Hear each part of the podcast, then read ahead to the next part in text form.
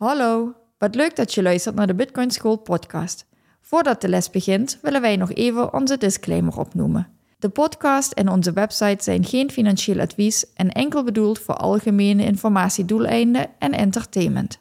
Vind je onze podcast leuk? Hecht je er waarde aan en wil je de podcastaflevering al een dag eerder beluisteren? Neem dan een kijkje op petjeaf.com slash bitcoinschool. Alvast bedankt en dan beginnen we nu aan de les.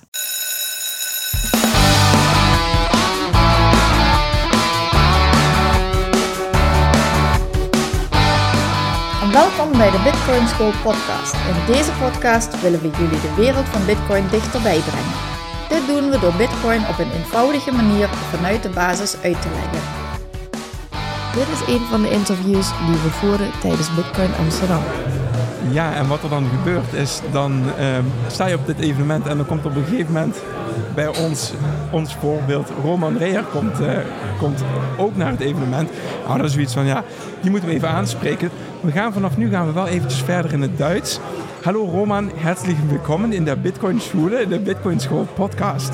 Hi, schön, dass ich hier sein kann. Ich bin sehr gespannt auf, äh, die, auf das heutige Gespräch. Ja, wir wollten eigentlich an dir fragen, du bist ja bei Bitcoin Amsterdam.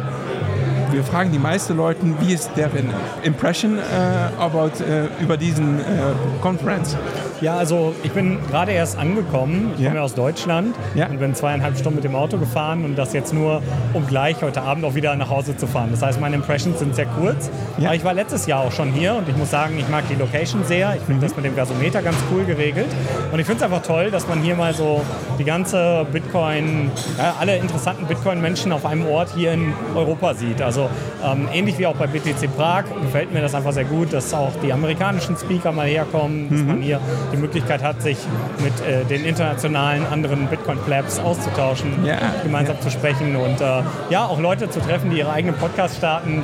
Das finde ich einfach toll. Ja. Cool. Wir haben es öfter erwähnt in äh, deinen, also in unserem Podcast, dass du ein Vorbild von uns warst. Wir haben auch schon eine Bonus-Sendung gemacht über den, äh, äh, über den Blockchainer Beach Event, weil wir wa- waren auch dort und da haben wir uns auch getroffen.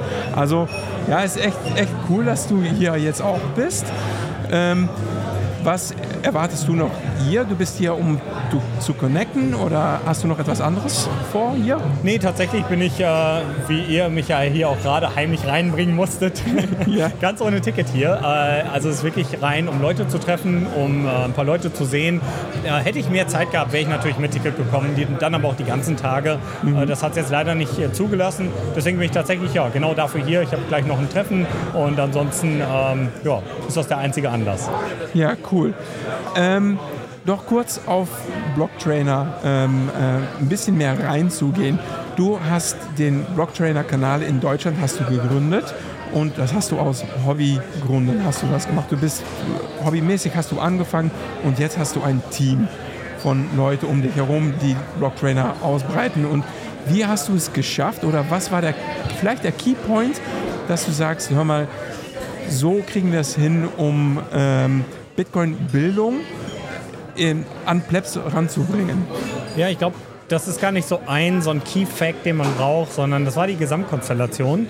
Ähm, ich bin damals ja recht schwer erkrankt an mehreren Autoimmunerkrankungen. Und da war einfach die Entscheidung, meinen bisherigen Job als Projektmanager, als IT-Projektmanager äh, aufzugeben und das zu machen, weil mir einfach das Geldverdienen gar nicht wichtig war, sondern äh, das zu tun, worauf ich Lust habe, weil ich einfach nicht wusste zu dem Zeitpunkt, wie lange geht das mit so schweren Erkrankungen überhaupt gut. Ja, ja. Und interessanterweise hat das ganze Verändern meiner äh, Dinge, die ich gerne tue, also arbeiten zu gehen für das, wo ich mit Leidenschaft hinterstehe, Ja. äh, meinen gesundheitlichen Zustand massiv verbessert, aber eben auch die Art und Weise, äh, damit Geld zu verdienen am Ende und daraus ein Unternehmen zu machen. Das heißt, ohne den Blick darauf zu haben, Geld damit zu verdienen, ist es automatisch jemand gekommen, Mhm. weil ich ähm, die, mich, mich so voll auf dieses Thema einlassen konnte. Ja, ich habe mir jemand gesagt, Geld ist egal, denk nur noch über Bitcoin nach, erzähl das, Ja. was in deinem Kopf Ja, passiert und Äh, das begeistert auf einmal die Leute und dann passiert der Rest automatisch. Und ich glaube, das funktioniert auch in jedem Geschäftsmodell. Wenn man wirklich eine Passion für etwas hat und einfach gar nicht aufs Geld achtet und einfach nur macht, Mhm. Ja. dann wird daraus am Ende was Gutes. Wenn man ein bisschen sein Ikigai findet vielleicht. Ja, ja, genau.